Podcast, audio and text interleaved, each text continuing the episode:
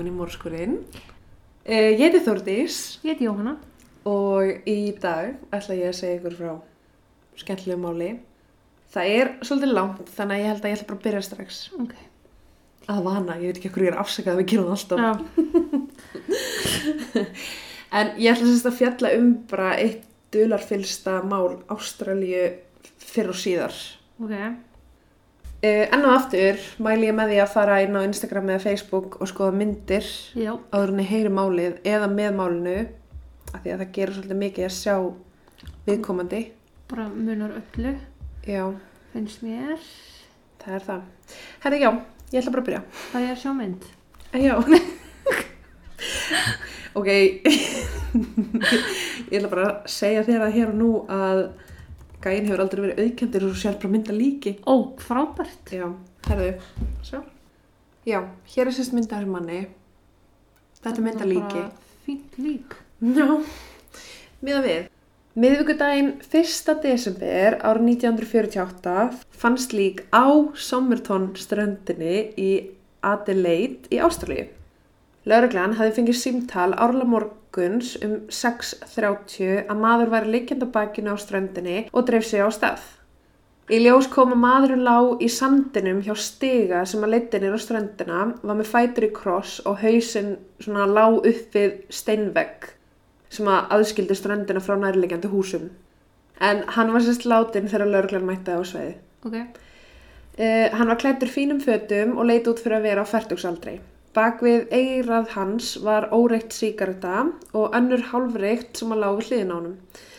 Það var ekkit veski, kort, peningur eða annað til að auðkynna mannin og því fekk hann viðnefnið The Somerton Man. Mm. Þannig að ég mun einfallega fjallum hann sem maðurinn eða TSM. Gott að blessa. Já, ok. Já, allt leit út fyrir að hann hafi látist bara af náttúrulegum völdum og því var ekkert gert til þess að leita á svæðinu, lokaði af eða rannsaka eitthvað í kring. Ok. Hún var bara skellt inn í bílinn, hann að sjúkru bílinn, ferður bara á spítala, úrskurðar látin og svo bara held lífið áfram. Ok. Daginn áður, þann 30. november, höfðu nokkur vitni séð mannin á ströndinni en um 7.15 um kvöldið voru hjón að ganga um ströndina og sáu mannin liggja hjá steinvegnum. Þeir tóku eftir því að hendurnar hans voru að liftast svona upp og niður. Hann sést lág alveg flatur og þær voru að fara upp og niður, hendurnar. Og spáði þannig sér ekkert í það, bara áætluðu um var að ræða einhvern fullan mann á ströndinni sem að þyrfti bara að fara að sofa, myndi sofa af sér. Já. Um áttaleitið var annað par sem var að ganga um, sólinn var að byrja að setjast svo þeir settust á bekk sem var svona hinum einn við hann, það var tröppur á milli. Já. Þau tóku eftir einhverju liggja upp við veggin hinum einn en náttúrulega bara sá hann ekkert almennilega, sá bara rétt í lappirnar Já. og þau tóku eftir óþekktum aðilar sem að stóð efst í tröppunni og voru svona að horfa niður á mannin. Þau spáðu ekkert í þessu, þau- þú veist, enn og aftur, þeim fannst ekkert ólíklegt að maður væri bara áfengistöður. Þau tóku ekki eftir hreyfingu á honum en þau gengu aðeins um ströndina þegar þau komu aftur fannst þeim eins og hann hefði breytt um stellingu eins og hann hafi hreyft sig og ákveðu bara að leifa hann að sofa í friði heldur bara að hann væri áfengistöður en þau fannst það smá spes að því að það var mikið moskítoflugum á svæðinu Mm. að hann væri ekki að reyna að sláður frá sér Já, ok. það var svona eina sem að þeim var spes Þannig að hann var líklega stáinn þá. já, mjög líklega Já, ok. Lörglumæður sem mætti fyrst á svæði tók sérstaklega eftir því að fötin hans voru ekki rifin og það var ekkert sem að bendi til þess að átökuð átt sér stað. Engir persónlega munir eða annað sem að var á víð og dreif og því erfitt að að eitthvað sagnamt hefði átt sér stað. Mm. Skoða var í vasan á manninum til að reyna að finna auðkenni en bara fannst ekki neitt. Það sem að fannst var ónótaði læstamiði, strætófarmiði, tveir kampar Svona hórkambar. Já, hárkambar, einn úr áli og einn úr plasti en þessi sem var á áli var að tala meira frá bandaríkunum og var bara ekki fálegur neinstar í Ástralíu. Uh, það fannst líka Juicy Fruit tyggjupakki. Vá. Einmitt. Memories. Ég, þú veist, getur við svona rætta þetta var sko 1948. Uh, það finnist elspítur og sígarettur.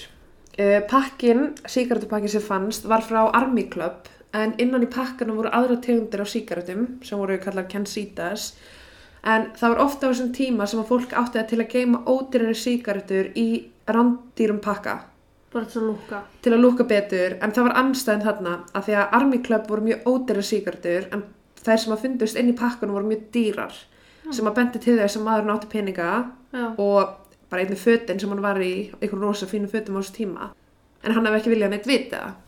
En það var nefnilega á þessum tíma sem að setni heimstyröldin var að ljúka og því var erfitt að fá almennileg fött Já. skótnir hans voru tandur hreinir og bara liti ekkit út fyrir að hafa verið sandi Nei. Krypning var gerð á manninum og í ljós kom að hann ljast um tvö leitið aðfara nótt 1. desember sem að er mjög líklegt þá að hann hafi verið á lífi þegar vitni sá hann Já. En bara tæknin á þessum tíma var ekkert jafn góð hún er í dag þannig í raun þeir geta ekkert áætlað klukkan tvö þeir geta gert það í dag, þeir, geta ekki gert það þá já, eitthvað sem að fannst það sem að stóð upp úr hjá réttaminufræðingnum var að maðurinn var í rosalega góða formi en hann var með þetta klassiska vaffform hjá magavöðunum Mm.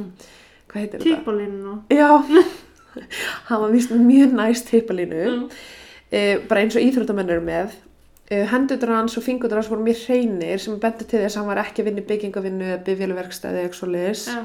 Og tærnar hans voru svona fleiglaga. er það ekki rétt það? Veistu hvað ég er að tala um? Nei, Hvað er að vera fleiglaga? fleig laga. Svona, svona, Ég hef ekki hugmynd. ok. Tærnar hans voru fallega tær. Nei, þær voru kannski fleiglega, ég veit það ekki, en tærnar hans sest, komu svona inn eins og þau eru búin að vera mikið í ballettskóm.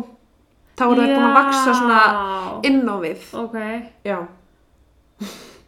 Þær voru- Fleig laga. Já, ég veit það ekki, ég held það. Ný, það er bóttið orð, sko. Ég hef bara ekki, ég hef svo- veitt þetta. Satt það ekki. En allavega, þeir skilja hvað ég minna. En það var sérst, tærnar hans voru þannig bent til að hann væri að nota ballettskó eða háa hæla. Sem var svona að þrengja að Já.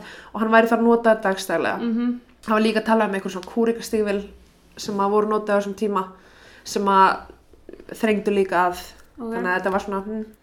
en hann var ekki einingi stæltur á efri líkama heldur var hann með kálfavöðva sem voru mjög ábrandi og myndi helst að ballettdansara eða svona atvinnudansara eða sundkappa þú veist, það var, hann var eitthvað svona eitthvað svona í mjög góðu formi, já.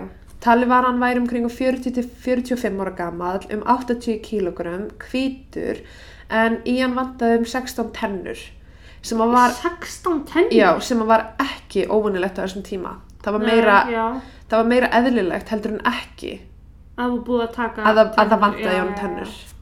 Lauruglan var vissum að hann hafi fengið hjarta áfall og látist, en svo var ekki. Hjarta hans var í fullkom, fullkomnu ásirkomulagi og ekkert sem benti til þess hvers vegna hætti að slá. Hann var ekki með neina áverka eftir barabli eða svo og því er erfitt að finna út hvað orsakaði dauðans. Í ljós kom að augasteinin hans var minni heldur en venjulega. Munnvatn hafði lekið með fram kinninni úr munnunum ánum og hann átti mjög líklega í með, erfiðleika með að kingja því Nú, ok.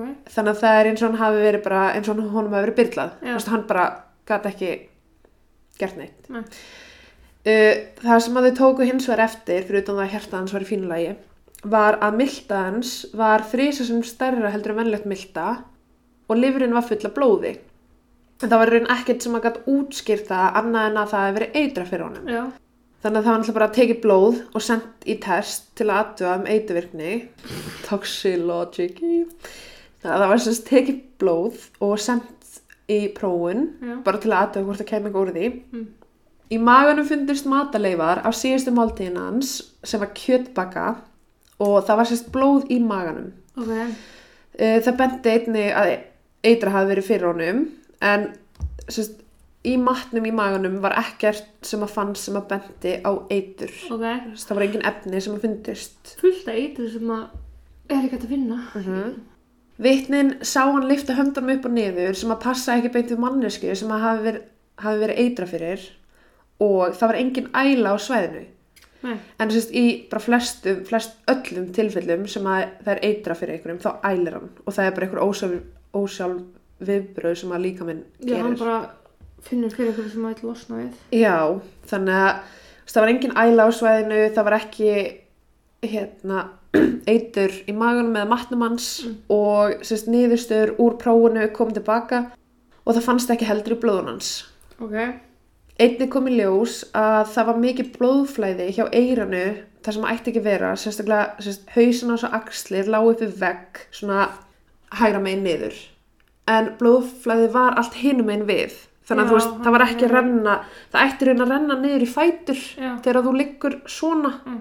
en það var allt fast uppi þannig Ok. að segja sem að hausin var Já. sem að bara meikar ekki sens Nei. ef þú ert búin að liggja þarna lengi Þá kemur blóðstólkunin annars þar. ég veist við vitum bara öll ef ég ligg meðfram rúminu með hausin niður og þá kemur allt blóðflæði upp í heila Já, líka að þú, að sko deyrir og liggur á hlið, þá getur þú fengið bláma mm í andlit og á þegar þú liggur þar, þar sem stólkunin, Já, en það var bara, blóðflæði var bara akkurat í hinóttina eins og, hann hefði snú öfugt við það sem, já, eins og hann hafi þá kannski ekki dáið þessari stellingu. já, Það sem að ekki var hægt að áætla neinn að, hvorki af náttúrulegum völdum nýja ónáttúrulegum, svo sem sjálfsmorð eða manndráp, Mm.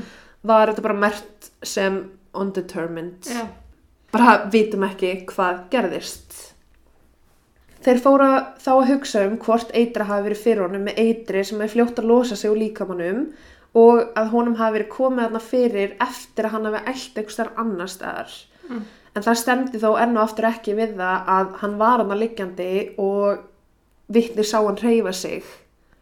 Þannig já, að, hendunir upp að já, en það kom einnig önnu vittni fram sem sögust hafa séð mann bera annan mann á aukslanum á sér á sömu ströndinni en það var þó einhverju fjarlæði frá því þar sem hann fannst maðurinn. Það var sérst, þetta er svona löng strönd, hann fannst hér og það var hér sem einhver var að bera einhvern á sér. já, ok, Líka bara af hverju ætti sá maður að lappa með frá ströndinni, þú veist, þetta er ekki, er, þetta er ekki svona eins og að fara á ströndina á Altanisnu. Nei. Þetta er svo að fara á nautalsvík og sumrin, það er alltaf fólk já, Um, það voru heldur engin merki um það að maðurinn hefði eld yfir höfuð, hvorki, þú veist, það var ekki að finna fötunum hans eða í munninum, þú veist, vanlega eru svona leifar í munninum eða ert búin að æla í tönnunum. já, Það var ekkert að finna þar og ekkert að finna á fötunum hans, þannig að, þú veist, ef hann hefði ælt, þá hvernig hefði það skólast út. já, já. Og hann var náttúrulega líka nýbúin að geta kjötböku sem að þannig að- sem að er mjög líklegt að myndi koma aftur út. Já.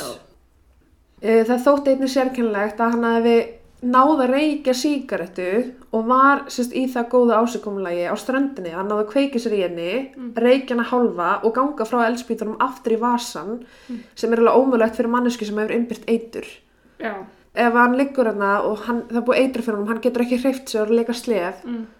þá getur ekki náð í eldspýtur, kveiktir í reykt hana, já. já, Veist, en hann hefur líklega reykja hana hálfa og látist svo, á meðan hann var að reykja sígarettuna. já, já, já, ok, Það voru sérst þrjú tilvik sem að talið var eitthvað, að eitthvað einkennilegt hefði átt sér stað. já, Og ég ætla bara að fara nánar í þessi vittni, þannig sem að sáist. já, já, Í fyrsta lagi var það maðurinn í kringu 50 aldurs, aldur sem var í jakkafötum með hatt sem að stóð hjá ingangum á tröppunum og starði niður á mannin í um 5 mínútur. Mm. Hann gæti hafa verið að skoða sig um á svæðinu en það var það ekkert óalgengt. Það er bara mjög vinsælt staður fyrir fólk að gangum. Já. Þetta er bara svo að vera á í já, Ef hann hefði eitthvað með þetta að gera, af hverju ætti hann að standa yfir manninum?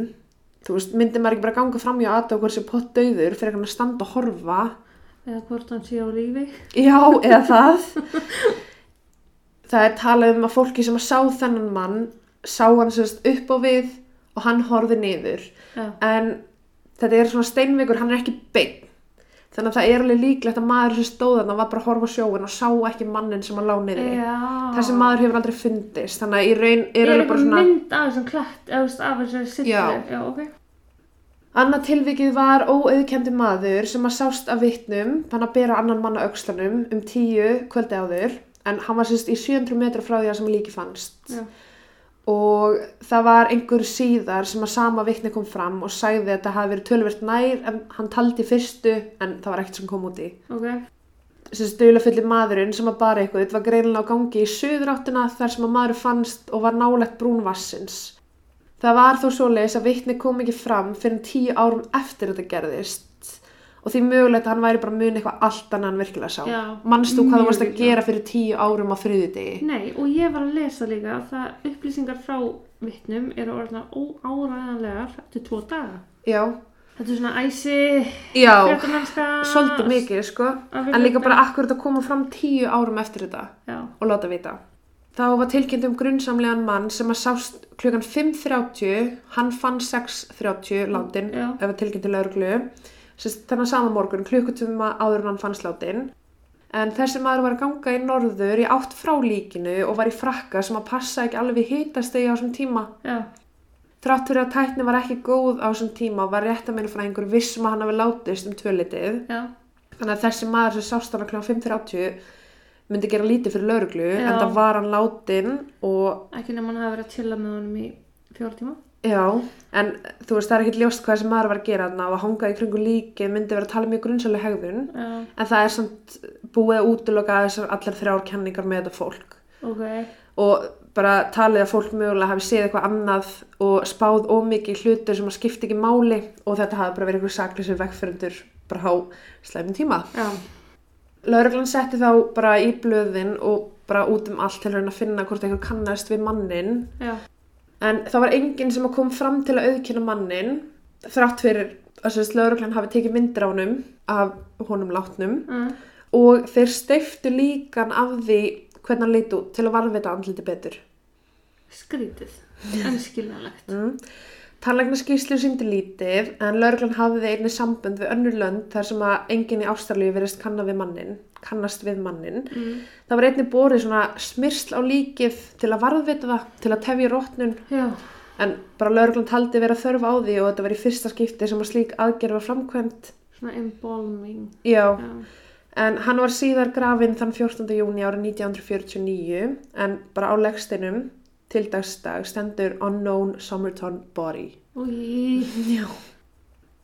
Rúmum sex vikum eftir að líki fannst var ekki enn búin að auðkynna mannin, eins og ég segi, það er ekki enn búin að gera í dag. Uh, þannig að lauruglan ákveða að kafa dýbra í eigur mannsins. Uh, á manninum fannst meðal annars þessi ónotaði lestamiði og notaði strætumiði.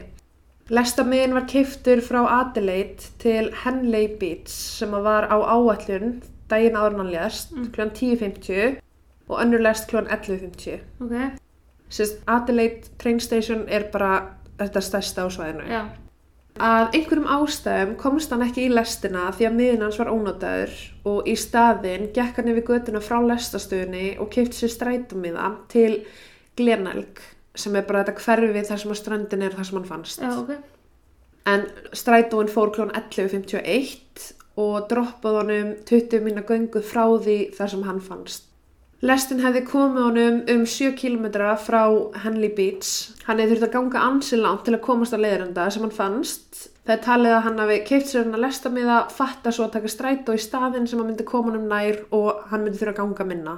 já, Ákveðið var að aðtöga hvort einhver farangur hefði verið skilin eftir í lestri farangurskemslu á svæðinu og það var sérst ein taska þar sem að stóðu upp úr. Maðurinn hafði ekki verið með miða til að sækja töskunu sína, um, svo var algjör tilviljun að aðtöga með farangur og lestastöðinni, en þeir hugsuðu bara, ok, hann var með lestamiða, já, hann er ekki með neitt farangur, Nei. þessi maður er ekki frá svæðinu, hann lítur að hafa tekið með sér eitthvað. já, já, Taskan sem að fannst í fargurskemslunni var ólæst, brún og kassala. Það sem að fannst í töskunni var meðal annars föt, alveg mikið af þeim fínir skór, jakkaföt, bindi og annað slíkt. Uh, enn og aftur, eins og ég segi, það var mjög erfitt að kaupa föt á þessu tíma, Já. en hann átti mjög fín föt sem að bendi til þess að hann var mjög auður já, af því að þetta voru ekki föt sem að þú færið á þessu svæði þarna. nei, Þú veist, það bara lá allt niður í að var stríð í gangi, það var engin eitthvað að nota fljóðlega til að flytja föt á milli, sko. Og það var allir bara að berjast um restina af fötunum sem til voru á svæðinu. En þá var einmitt spurning hvort hann hafi týnt miðanum til að sækja töskunum sína. er þetta svona svo austur bara, Já, já, ok, þetta er bókstaflega eins og fata Já, geimstöfna austur. Þú þarfst að hafa miðan til að ná í eða hvort hann bara hafi viljað skilja farangunum sinna eftir að einhverjum ástæðum. Um, það sem að þótti einkennilegast í töskunni var að það var búið að klippa alla merki með að fötunum og því var ekki hægt að segja til um það hvaðan fötin komu. ok, Á þessum tíma var einnig mikið um það að fólk merti sér fötin sín með sínu nafni en það var einingis þrjár flíkur með slíkri merkingu. Á fyrstu flíkinni stóð Kín E, sérst K-E-A-N-E. Mm. Á annari flík stóð T.K-E-A-N-E og þriði flíkinni stóð K-E-A-N mínus E.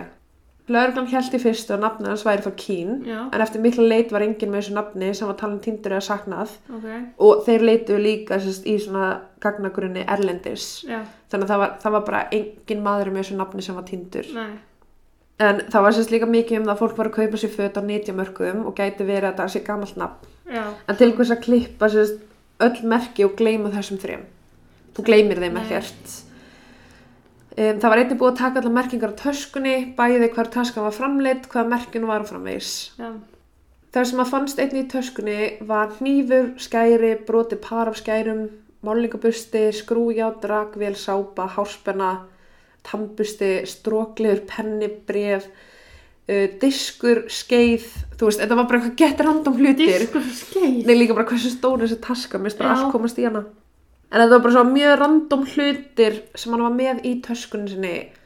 Það fundist engir sokkar í ferðartöskuna hans en þegar hann fannst var hann í sokkum og sérst bara hvernig ertu með föt fyrir viku en þú ert ekki með sokka til að skipta. Já. um? Það, þú veist, það er bara ógislega spes. Jakkin sem að maðurinn klættist var sérstök tegund af svona fjæðra saum sem var einingis framleitur í bandarækjunum. Það benti til þess annarkvort koman þaðan eða hann hafi verið þar og keift jakkan á því svæði.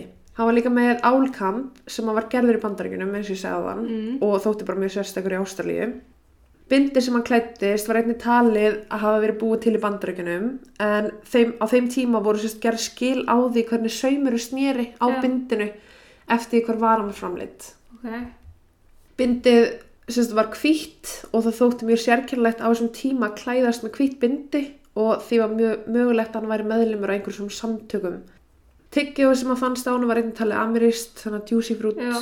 Um, rakvilin, Já. þetta var svona einnáttar rakvil, hún var með merkingunni Kent Street slash Sydney Já. á sér og var því framleitt þar. En það er mjög skrítið að aðlinn tók sér allan tíma í fjarlæga allar merkingar og glemdi rakvilinni Já. ekki nema þá að hann hafi bara ekki verið frá Sydney og verið. þar að leiðandi var hann sama um þá merkingu Já. en ég mun koma betur að þessi rækvölu eftir Ok. Buxur sem að fundust í ferðartöskunni voru með sandi sem að bendi til þess að hann verið á strönd áður en hann kom eða komið frá landi sem var með sand Já. Önnur mögulega atbyrðar ás var svo að hann hafi verið lengur í Adelaide heldur en frá 30. november og hafði ef, ef til vil heimsótt Glenelg eða Henley Beach Já. fyrr í vikunni fyrir andliti. Anstæðan við sandin í buksunum fannst trefill sem að bendi til þess að hann hafi verið á stað sem var kaldara. Það er mjög heitt í Ástralíu á þessum tíma Já, Og hann er með- já. tíma, og hann er með ullartrefil í töskunni sem hann, um, það fundist líka svona þrjú þvottamerki eins og hann að fara með fötur sinni í þvott Já. eða bara fatarhinsun í töskunni og rannsóknumenn heldu uppáflega að merkin kemur frá Melbourne en það var bara setna útilokað og engir, engar ástralskar fatarhinsunar stöðvar tengdust merkingunni Ok. um, sérst, hvert merki samastóða fimm tölustöðum sem að gefa til kynna að það komi frá stórri borg Mm. og sérst, amerísk hreinsi fatamerking var í samræmi við það Ok. þannig að að það liggur svolítið fyrir hann er mögulega frá bandaríkjum með það. Já, þessar vísbendingar bara reynast árangusríkar til þess að reykja hvar maður kom. Já. Hvar hann bjó, fyrir staðsynning eða svo, en það voru engar haldbæra sannanir.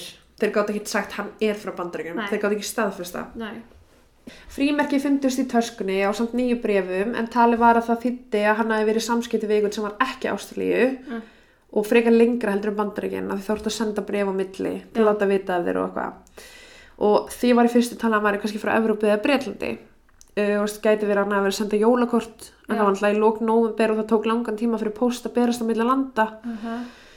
Ef hann hefði vitað að hann væri að fara að deyja mögulega að taka sitt eigin líf geta að passa við að hann hafi kannski sendt kort til ættingi og vin og láta vita af sér án það gerðist en með þessu var ljóst að einhver vissi hver hann var og var að fá send bref frá honum en það kom enginn fram með vitnuskum hver maður var Síkarettunar og eldspýtunar voru taldar vera frá Breitlandi Ok. sem að fundist á honum og því var flakka svolítið á milli hvort hann væri frá Bandaríkjunum eða Breitlandi eða þess vegna ekki stáru Evrópu Mm. og væri bara á ferðalegi.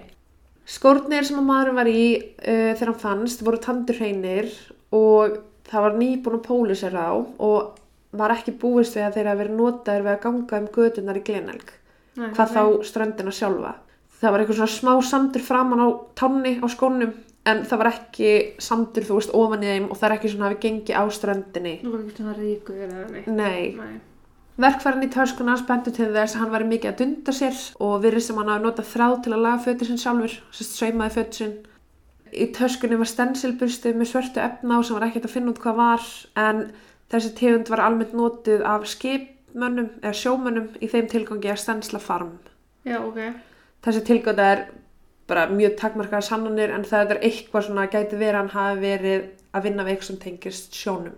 Ég var að hugsa sko sjóherin, bandaríski sjóherin. Ég menn hann er í drullu góðu formi. Já, Í töskunni voru föt sem að myndi dögunum í viku og þá náttúrulega bara var planið hans að vera hann í viku og fara annað eða hvað var hann að gera þarna. já, Taska var ekki læst sem að staðfyrsti enn meiri kenninguna um að mögulega hafi einhver komist í töskunans sem strepið hann, komist í töskunans og klifti þetta af mm, til að rekja að því að taska var ekki læst er mjög óalgengt og læsir ekki töskunina á þessum tíma. Uh, spurningin var bara hvort átti taskan að finnast eða ekki og af hverju geimdi hann töskun á lestastöðinni þú veist, ætlaði hann kannski að fara eitthvað hitt eitthvað og koma aftur á lestastöðin og fara? Var hann með eitthvað pening á sér? nei, Nei. þú veist, hvert var þá bara erindi hans á ströndinni? Og af hverju var hann þá ekki á hóteli?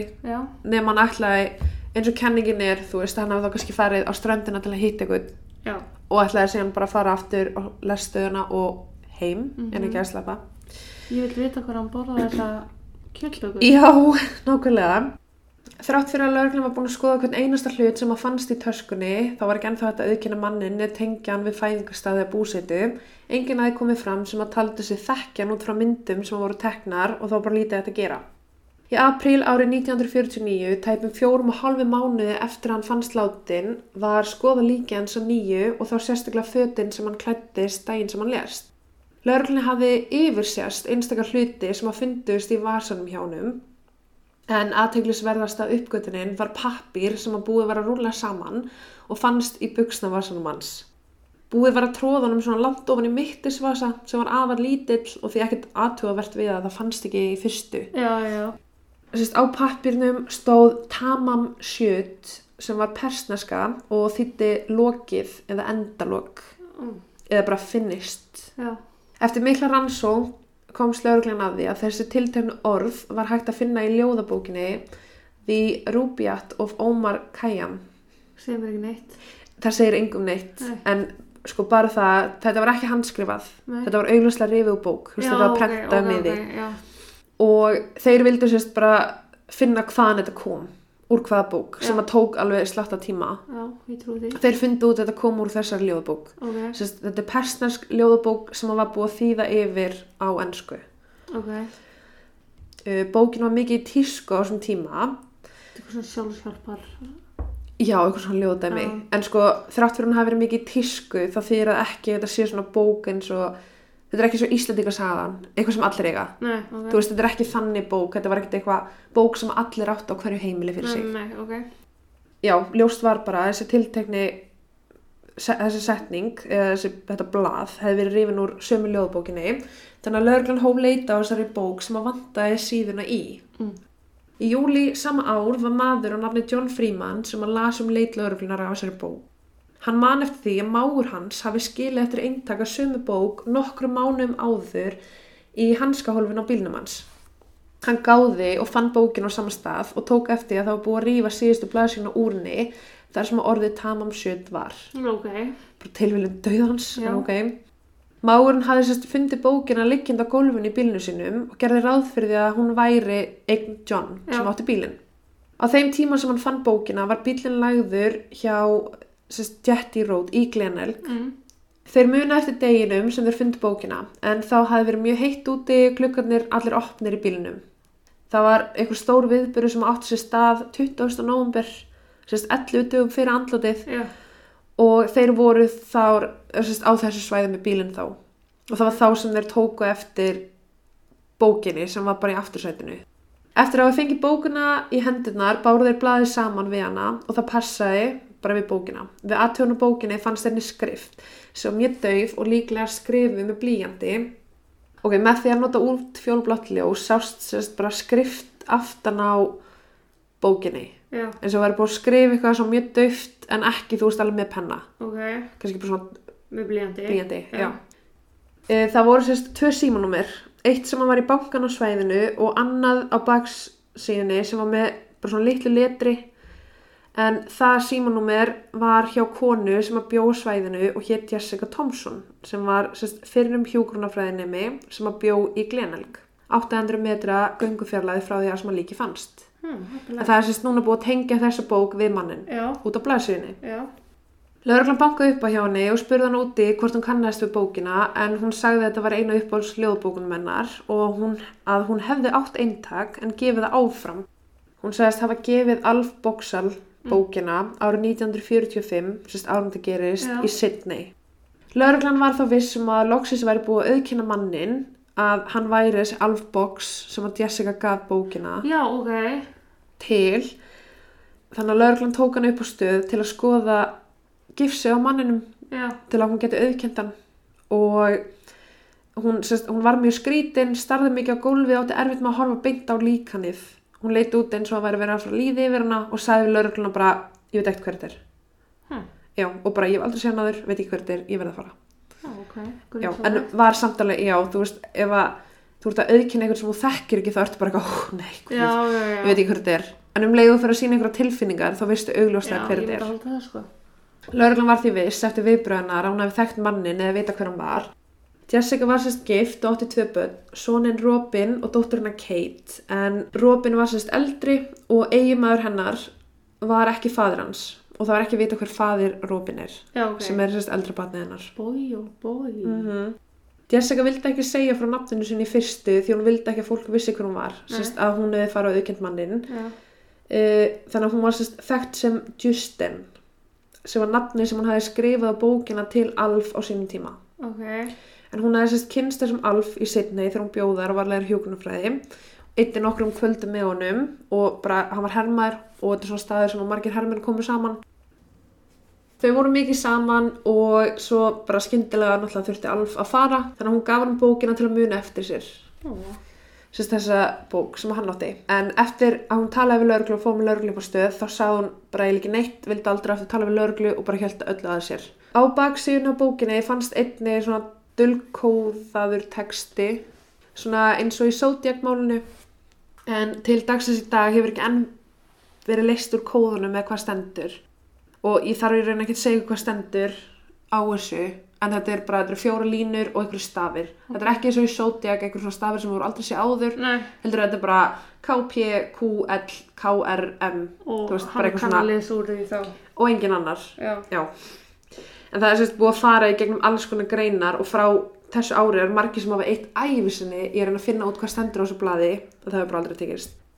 Það sem að bókin fannst var sérst hjá þessu PR hótelu og John Freeman bjó í húsnæði á, þeir, á þeirri götu, eða nálægt þeirri götu.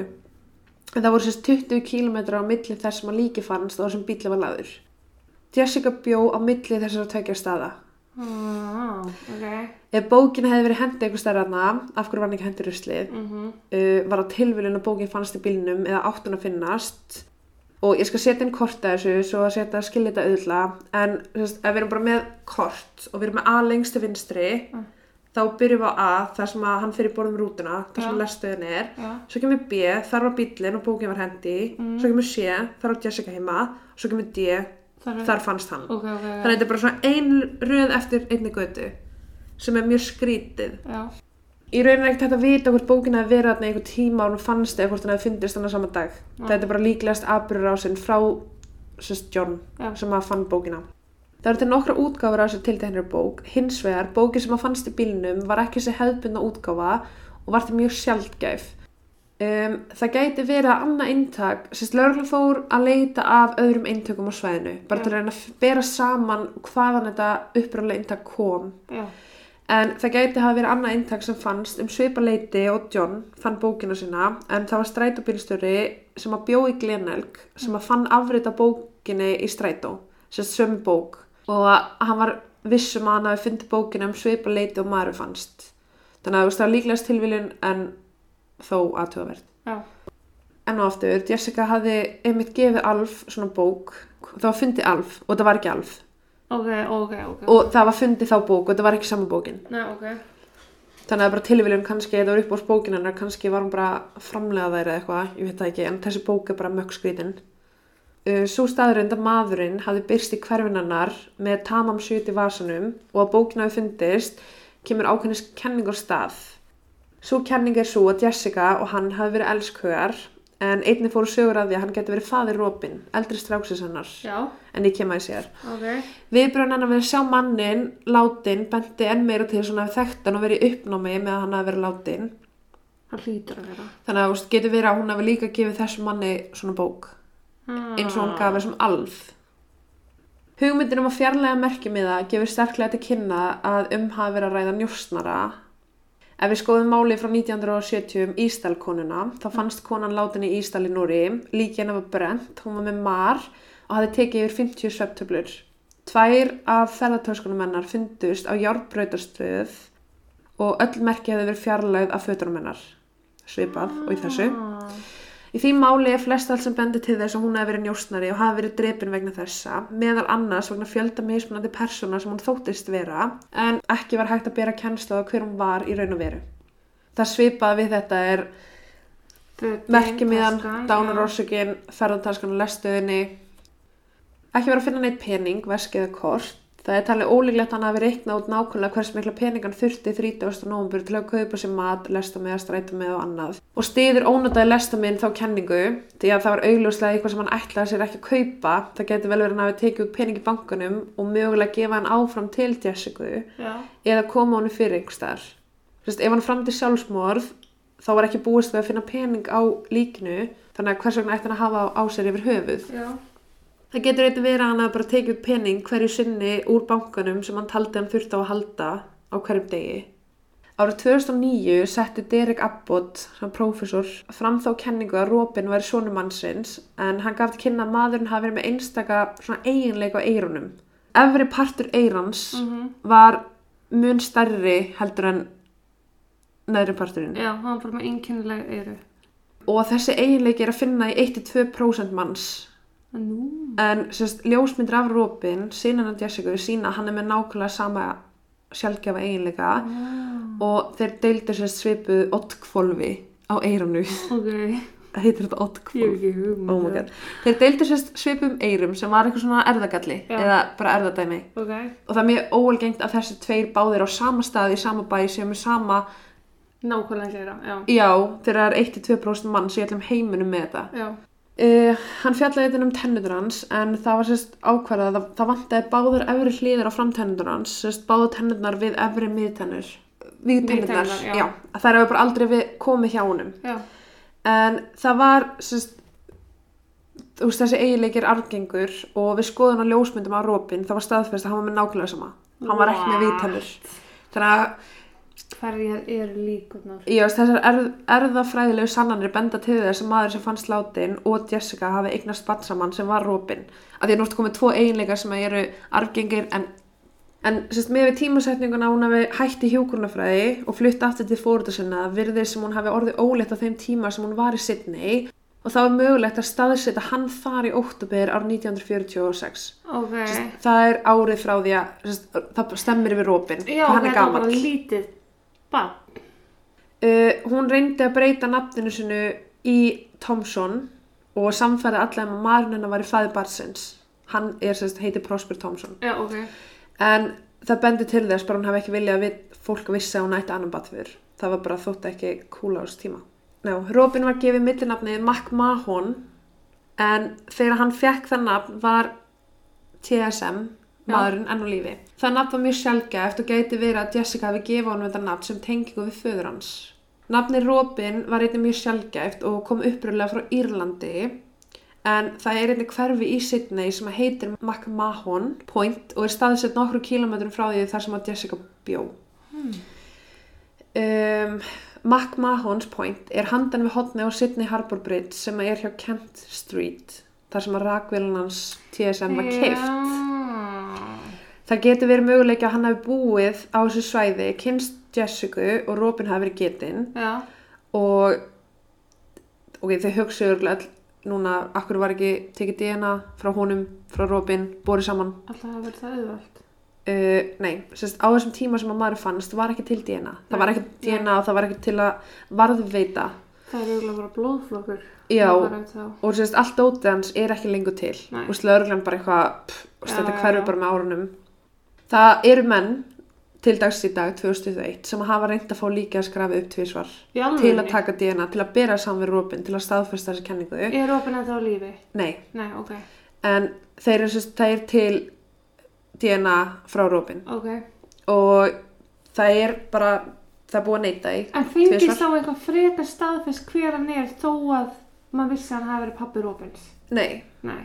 Þannig að ég rauninni skipta einhver máli annað en bara að fá það á ljós. annað en að mögulega myndi að staðfesta af hverju hann dó Já.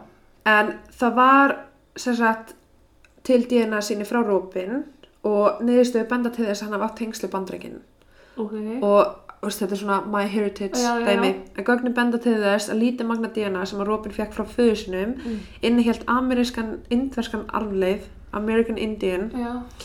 Og leiti í ljós að þú veist hann átti einhvern beinan ættingja sem að var Ísam Ranulf afi fyrirhandi fórseta bandreikina sérst afi Thomas Jefferson Ok, ok. sem að var þá eitthvað tengdur hann þannig í raun Þannig að stemmi við efnaði maður alltaf hana. Já, og sérst 40 nánustu einstaklingarnir sem voru samsvaraði við Robin áttu uppruna sinni í virkinu. Ok.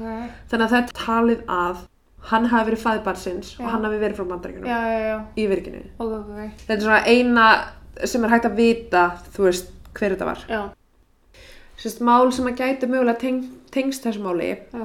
er maðurnafni George Marshall fann slátin í Aston Park í Sydney þann 3. júni ár 1945 en líki hans lá í gjótu sérst á svæðinu og fannst bara nálægt vatni. Það sem er sérstakt við andlatið hans er að ofan á bringun hans lá bókin The Rubiat. Höfuð hans lá ofan á dagblæði sem var mert 20. mæ 1945 og er áallan að hann hafi dáið degi eftir. Við hlið hans fannst glas og barbitúrik já. og flaska af límunæði. Hann hefði sérst reynt að fremja sjálfsmór tvisvar áður hann lést og var talið að það hefði bara tekist hann að hann hefði eitrað fyrir sjálfur sér. Mm, ok. Daginn sem hann hvarf hafði hann borðað með konu að nafni Gwenneth og sendi henni 200 punta ávísun en hún lagði hennar fram við rannsóknina á Sérst, hún kom fram og bara eitthvað hann dó, Já. allir að finna út hvað gerðist. Mm. Hún kom fram til lauruglu og var bara eitthvað herðu ok, hann gaf mér þessu 200 punta ávísun, ég held að hann hafi bara fram með sjálfsmorð. Ok. En sérst, 13 dögum síðar fannst hún látin, nakin í baðkarnu sinu, með andliti niður og búið að vera skera úliðin hennar. Dauðin hennar var líka talið verið sjálfsvík. Ok. Staðsetningin á líkinu, hans George, var nálagt Clifton Gardens hótelinu þar sem að Jessica gaf Alf bókina The Rubiad nokkru mánuðum áður og sérst, greint var frá andlutun hans í blaðinu þar sem að Jessica bjó í setni á þeim tíma. Þannig að það er mjög líklegt að þau hefur bæði frétt af andlutinu í gegnum fréttablöðin og þannig hafi hann látist. Þess, þetta er svona inspiration Já, ok.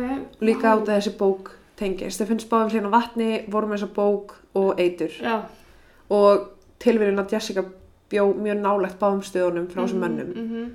Anna andlegar sem hefur verið tengt við hann einhver leiti er mál Magnússon fjölskyldunar en sjö mánuðum eftir að hann deyr þann 7. júni 1949 fannst tveggja ára drengur að nafni Clive Magnússon látin í póka í sandi í Lards Bay sem er útkverfið við ströndina í kringum 22 km akstur frá því þar sem að TMS fannst. Ok. En sérst, fadir hans fannst á lífi en var mjög veikburða við hlýðin og líkinu. Mm. Hann endaði að vera vistar á geðstofnun. Þeir fundust í sandinum að einhverju sem að sagðist hafa dreymt að þeir væru þarna og fóru að leita. En móðir stráksins, henni var setna hótað manni með klúti yfir andlitinu sem að sagði henni að halda sér fjarrri og sérst lögreglan og embetsmenn fengu einni símtöl þar sem var hótað að gera eitthvað ef þeir myndi ekki hætta að rannsaka andlati á barninu.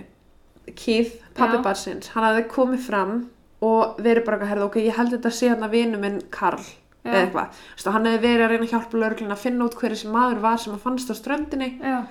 og svo deyr barnið hans, hann finnst bara mátt, máttvana við hliðin á líkinu á barninu sinu Mm. og svo byrja þau að fá hótanir. Bæði lögreglan og mamma barsins, bara ef þið hættið ekki að rannsaka þetta, að það drefið ykkur. Þannig að það er talið að þú veist ástæðan fyrir að barnið var svo drefið af því að hann var einhver skrefi nær að finna út hverju það var. Ah. Er- Hvað dráfið ekki hann bara? Hvað dráfið barnið? Um, þriðja máli sem var mögulega tengt við þetta var sem sagt kona nafni Ína Harvey en hún var mótökurítari á okkur hóteli þarna og var vissum að TSM hafði dvalið hann nokkur daga en hann líki fannst en hótelið var staðsett hinum megin við Adelaide lestarstöðuna þar sem að taskan hans fannst og hún lísti manninu miðaldra bara sterkum, svona já, já. sterk byggðum, vel á sig komin. Hún tók einnig eftir því að maður var ráðþróta, hljóðlótur og leit út fyrir að vera með þreyttur. En hún varð tórtryggin gagvart auðlufulla manninum og sagði starfsmanni að leita í herbyggin hans. What? Já, henni fannst þetta eitthvað skrítið, fannst þess að það væri eitthvað í gangi. Starfsmannin gáði því að því að eina sem að fannst var svört taska en í henni var einn hlutur sem var nál og hún sagði frá því að í lókt valurnar hafa hann gefið henni boks með púðri og sagt við hana I won't be seeing you again. I won't be. Já, og okay. þegar hún sá myndina af þessum manni þá var hún 100% viss um að þetta væri hann og við fyrstu sín verðist frásögnana líkleg en þú veist, það er ekkit það er ekkit hægt að staðfesta það ekki hvort þetta hafi verið hann af hverju var taskan hans annars staðar Já. það var engin nálastunga á manninum Nei. þannig að þetta er allt bara eitthvað ógæslega skrítið og það veit engin neitt en það er svona talið að þetta mögulega hafi verið hann en Já. það veit það engin Ok. síðast en ekki síst var hérna mál sem átt sér stað dagana fram að döðunum hans en förstu daginn 27. nómbir á 1948 var sérst 17 ára strákur frá Broken Hill sem er bara annað bær Já. sem að stál móturhjóli fyrir utan rafstöðuna í bænum hann óka hjólinu til Adelaide og yfirgaf það 27. nómbir við sérst ströndina í Glenelg þar sem að maður fannst að, já. Hann hendi síðan ferðartösku frá sér sem að innihjalt skó, íþróttaföt, frakka, sokkapör, jakkaföt og rifli við sérst sommertónströndina, bara í vatnið basically. En sérst taskan og hlutinni voru all, þetta var alltaf vassalt. Uh, þeim, þessum hlutum var sérst kastað hann að þreymur dögum áður en að maðurinn kom til Glenelg. Daginn eftir 28. nómber gekk strákurinn um 20 km í átt að Port Noarlunga en þann saman dag fannst hjóli á ströndinu en ekki taskan. Það voru sérst vitni sem hafði séð hann kasta töskunni út í sjó og það voru Ok. vitni sem sáu töskunni en voru bara eitthvað hvað ertu að gera? Pottin eitthvað tekið hana. Já, en strákurinn sérst stal bíl í þessu Port Noarlunga sem hann hefði gengið Já. og var setna handtekinn við að keira tilbaka til Adelaide. Hvað var hann að gera? Hann sagði, eftir að hann var handtekinn, þá sagði hann lauruglu frá því hvað var í svona ok. að vita að það var riffill og svona dót. Ok, ok, ok. En semst hann kom hann einhverjum dögum áður með hjólið, Já. skildi hjólið eftir, gekk ykkur 20 km, stal öðrum bíl og var að keira tilbaka. Það er svona eins og hann hafi verið ráðinn til að koma Já. hjól og töskuna á sveðið. Um, Kannski fyrir einhver. já, það sem að þótti einkennlegast við þetta er að í töskunni var mikið af sokkum og þannig að honum skorti sokka, Já. þetta enga sokka. Uh, það var þessi riffill og þetta var varpa á ströndina sem hann var, Aha. sem hann fannst. Uh Dægin sem talið er að maðurinn hafi komið til Adelaide með lest var lest sem að kom frá Broken Hill kl. 9.17 um morgunin Mm. og þar var komið möguleg tenging að hann hefði kannski verið þar Ja. þar sem drengurinn stál móti hjólinu Mm. og tekið lestina og drengur tók hjólið einhverjum dögum áður. Já. Þetta er ógæslega skrítið mál, þetta er einhvern veginn allt út um allt. En sérst bara, fyrsta kenningin er að hann hafi verið njósnari og það eru nokkra kringustæður sem benda til þess. Í fyrsta lagi var bókin sem var tengd við hann og innihjalt hann dul, dulkóða, Mm. eða dulkóðun. Uh, skriftin í bókinu var döif og bendi til þess að hún hafi átt að vera falin, Já. að hún hafi ekki átt að sjást, Já. þeir þurftu að nota út fjólblótt ljós. Mm. Bókina var síðan kastað í bíl sem kann að hafa verið skilabóð til einhvers sem að tilkynnti áfram að hann væri látin eða fyrirskipa einhverjum að drepa hann. En sérst annar kostur er að bókina hafi verið hendi bílnum á honum sjálfum Mm. þar sem að einhver annar var að fylgjast með honum og hann hefði þurft að losa sig við þetta Já. af því að það var meira annars númeri hjá Jessica. En er, fylgir eitthvað kenningunni hvers konar ljósnari eða fyrir hvern? E, já, semi. Líkamlegir eiginleikar hans, svo sem líkasbygging, styrtumennska, hæfileiki til að vera óséður innan aðleita almenningi er allt njósnaenginni. Hann leti einnig fjarlæga allar reikilega merkingar á fötunum sem hann var í. Um, en það er sérst bara, eins og ég segi, samræmi við þess að konu aðna Ísdal sem að dó Já. og samræmi við Jennifer Far Fargate. Henley Beats lestaminn gæti hafa verið átt til að hreki burtu slóðun hans eða til að sjá hvort einhver var að fylgja honum. Hann er sérst kannski farið, keift hennar miða og aðtöða hvort einhver annar myndi fara að kaupa miða líka en svo ákveða að taka strætóin. Já. Dauðin hans dulafyllur og er það enn í dag. Það hefur ekki verið sagt til um dánarósök aðalkenningin er að eitri hafa verið fyrir honum en það er algengasta leiðin til að taka út njósnara með eitri sem að losast úr líkamannum árun hægt að finna það. Já. Dóttirinn af Jessica, Kate, kom síðan fram og sagði frá því að móður hennar hefði sagt sér frá því að hún hefði logið til um að þekkja mannin ekki en hún hafði í raun þekkt hann, vil samt ekki segja dóttir sinni hvernig. Það var einnig skipti sem að Kate heyrði móður að tala rúsnesku Já. og Kate skildi ekkert hvernig hún kunni rúsnesku þar sem að hennar vittneski var að þau búið í Ástralíu allar sinni æfi. Já. Þú veist, ef að mamma var alltaf að tala rúsnesku í eldúsi, ég væri bara hvað er að gerast. Já. En Kate taldi þessi stótturinnar að þau hefðu bæði verið njósnarar Mm. og að því að Jessica sagði einhvern tímann að TSM væri þekktur og herrasti heldur en lauruglan er. Ok. Og veist, þessi ummæli ganga bara út á játningaðinnar að hann hafi verið partur af njósnara samfélaginu að einhverjum ástæðum bara áttu sömu ljóðbók og þú veist, það er einhver svona þannig séð vill fólk meina að verið tenging Ok, já. svo er líka að tala um að það geti verið að hann sérst, hann hafi verið njósnari, hún hafi verið njósnari þau hefðu óvart eignast bann saman Mm. sem að bara átt ekki að mega gerast Já, já. og hann hafi sérst verið dreipin út af því Vil ég svo rosalega vel á þá kenningu þegar bæði verið njósnara. Já. Uh, síðan kemur sjálfsmórskenningin að sérst, það bara hefur verið erfitt að sanna að hann væri njósnari en tamam sjötpappurinn í vasunum hans Það hlýtur að, það hlýtur að vera mottóið að það sé erfitt að sanna að maður sé njósnari. mm að því það er líka sko, ef hann var njósnari þú veist þetta er bara eins og í dag ef þú vinnur fyrir FBI Já. og þú ert handtekinn Uh, þau eru aldrei að fara að koma og bjarga þér nei, að það er engin þú ert bara þín einn ábyrgð. þú ert þinna eigin ábyrgð Já. það er engin að fara að koma og vera bara hérna hann er að vinna fyrir okkur þú veist það er bara að þú ert tekinn þá ertu tekinn og bara lífið búið Já. bara sorry, við gerum ekki neitt Mm. að því þeir vilja aldrei hætta á því að það komist upp með þá Já. þannig að það er svolítið saman með þetta og kannski ástæðan fyrir að enginn hefur auðkendan er að því að þeir sem að, nei, þú veist, að þeir vil ekki koma upp með sjálfa sig. Uh, já, þú veist, þá er bara tengslinn millir dauða hans og George sem að fram til sjálfsmórið var með bókinu ofan á sér, Já. þú veist, báð með bókina nálægt vatni, George draf sem með síru, hvernig draf hann sig, Ok, ef þetta var tengt kolt eða eitthvað, þá myndi ég kannski lusta það. já, þú veist, þetta er bara, já, uh, það er talað um að ef að badnið hans, eða sérst, ef að Robin var strákurinn hans, þá væri skynsalegt fyrir hann að sjá badnið sitt síðast skipti ára hann alltaf að drepa sig. Já, og kannski var það ákveðin Veistu, Nei, hann hafi komið, hann hafi komið þangað til að sjá barnið sitt og mögulega leta hann tjásöku fá allan peningi sinn til að Mm. alveg barnið e, veist þetta virðist vera eitur og það er algeng þú veist að nota eitur Ok, til að já. drepa sig á þessu tíma merkið með þetta voru mögulega fjarlægir því hann vildi ekki að fjölskylda vinir myndi komast að því að hann væri látin þannig að þeir vildi ekki láta reykjan einhver til að láta fjölskyldu já. vita að hann væri dáin frekar að fjölskyldan haldi að hann sé kannski bara í Ástralíu að vinna eitthvað, þú veist Æ, ég veit ekki.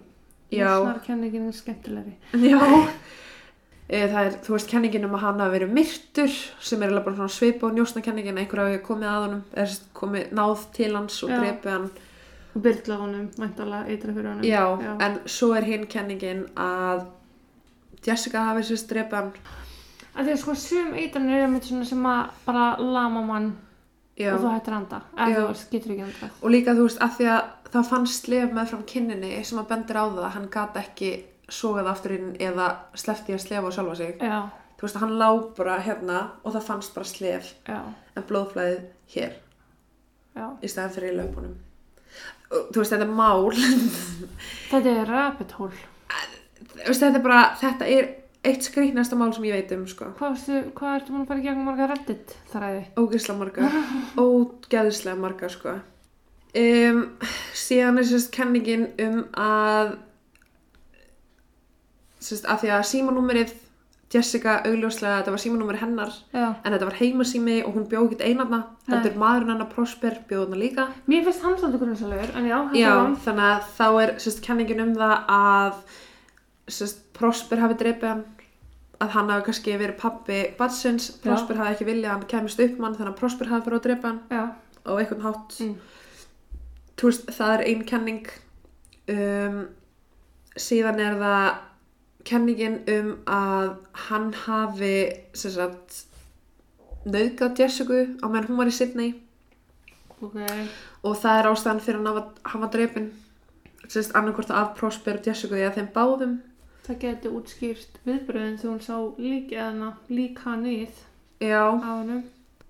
Já, en ég meina þú veist, kannski hefur hann komið á til að byrjast afsökunar, hún hefur sagt nei og Já. þar lendi hefur hann bara ákveð að taka sitt eigi líf. Mm. þú veist, það er líka svona en þá hefði hann líklega kannski sagt fólki frá því að hann væri að fara ángað og segja kannski bara eitthvað þú veist, hei, ok, ef ég hverf þá er það út af því að ég er að fara að hitta Já, eða ég er að fara að gera þetta. Það var, það var ekkert mikið tala um þetta. Það var bara eitthvað svona mjög skríti það er allt mjög skrítið. já, svo er náttúrulega bara kenningin um að hann hafi dáið bara accidental death Hvernig það? af því að miltans var þrísum stærri en venjulega út af einhverjum ástæðum Sest, hann hafi verið með eitthvað undirleikjandi sjúkdóm sem að gera verkum að milta hans var þrísum stærra sem hann var ekki búið að finna út af hverju og það hafi bara, líka hann hafi bara gefið sig Allan að það gerir eitthvað svona tengt blóði. Já, þannig að það var bara einkenningin að hann hafi bara dáið þarna sest, út af líkamlegum ástæðum Já. og náttúrulegum dauða Ok. Ekki eins skemmtileg. Já, Mm. og náttúrulega bara tekur hann náttúrulega bara eitri í burtu en þú veist þetta milta á livravandamál sem hann var með þú geti verið hann hafi tekið einhver liv við þessu Mm. til að halda þessu niðri og svo hafa glemt lifunum sínum og ekki tekið þau Já. þetta er eitthvað svona alls konar já, sérst, ok, aðra kenningar þetta eru sko, oh my god, þetta er svo mikið kenningum, Mm. en sérst, svo er til dæmis kenning um að um að Jessica hafi verið raðmóringi og að TSM hefði verið einn af fórnalömbunum og þá hefði Georg líka verið fórnalamb Já, ok. sagt, já, og að áhugin hennar á The Rubiat bókinni hafi látið sagt, setja tamam shit í vasana á Ah, fórnarlömbunum sínum. Ok. Um, það var ekkert tala um, þú veist, hún var alltaf hjúkunarfræðingur getur verið að hún kunni vel á hvernig á að eitra fyrir fólki þú veist, er þetta eitthvað sem hún lærir Þetta það er ekki, líka spennandi kenning. en það getur líka verið að hún hafi sem sagt, drepið þá fleiri Já. sem að hafa ekki verið fundnir Aha. en eins og ég segi, það var verið að kopja þessa bók mjög mikið Já, já, já. veist, og fólk átti alveg til það er svona voru villir og eitthvað Mhm. þannig að getur alveg verið, en ég veit ekki mest að skríti Mm. um, það er síðan talað um að hann getur mögulega hafa komið ánga með einhverjum öðrum sem að hafa síðan drepið hann. Uh, svo er talað um að, að sérst, ok, og síðan líka einn kenning að hann hafi verið pappi hennar Jessica. Voru ekki svipum aldrei? Jú, sérst, nei, sérst, ef að hann var í kringu 46 ára gammal þegar hann dó, þá hefði hann getað átt Jessica þegar hún var 18 ára. Og það geti útskýrt líka Þegar já, þegar hann var 18 ára. Og það geti útskýrt líka sérst, þetta erða dæmi sem að sonur hennar fær. Já, já, sérst, að því það er í raun ekkert tala um fjöl, eða, úst, mömmu hennar og pappa nema bara það, þú veist, geti verið að hann hafi verið faðir hennar. En ah, þú veist, það er ekkert sem að ekkert þetta afsanna það er sanna Nei. en þú veist, við erum komið ógislega marga En kenningar. þá væri bandarinska arfleiðin vantala minni að það ekki? Eða fyrir frá manninum í Jessica í Robin. Jú, hann var náttúrulega með, hann var ekki með mikla arlið Nei, ok, ok. í bandreikin, sko. Já, ok, hann var með bara, hann var með lítið en þó fannst eitthvað. Já, ok, ég skilji, ok. Þannig að þú veist, það er eitt af þessum stiðu kenninguna en á sama tíma af hverju ætti hann þá að enda þarna látin getur verið að Jessica hafi ekki vilja tala við hann. Þú veist, þetta er svo ógæðislega mikið að ég geti tala um og þetta eru sko örgla tíu kenningar í viðbót. Þetta er líka allt kenningar sem það þarf að velta fyrir sér og ræða. Bara svo, já, en geta verið þetta Já. hitt. uh, en já, ég bara ég held ég hef ekkert meira um þetta að segja. Ég ætla bara að segja uh, takk í dag. Og við heyrumst í næstu viku. Segir ég bara takk og bless. Takk og bless Thank you.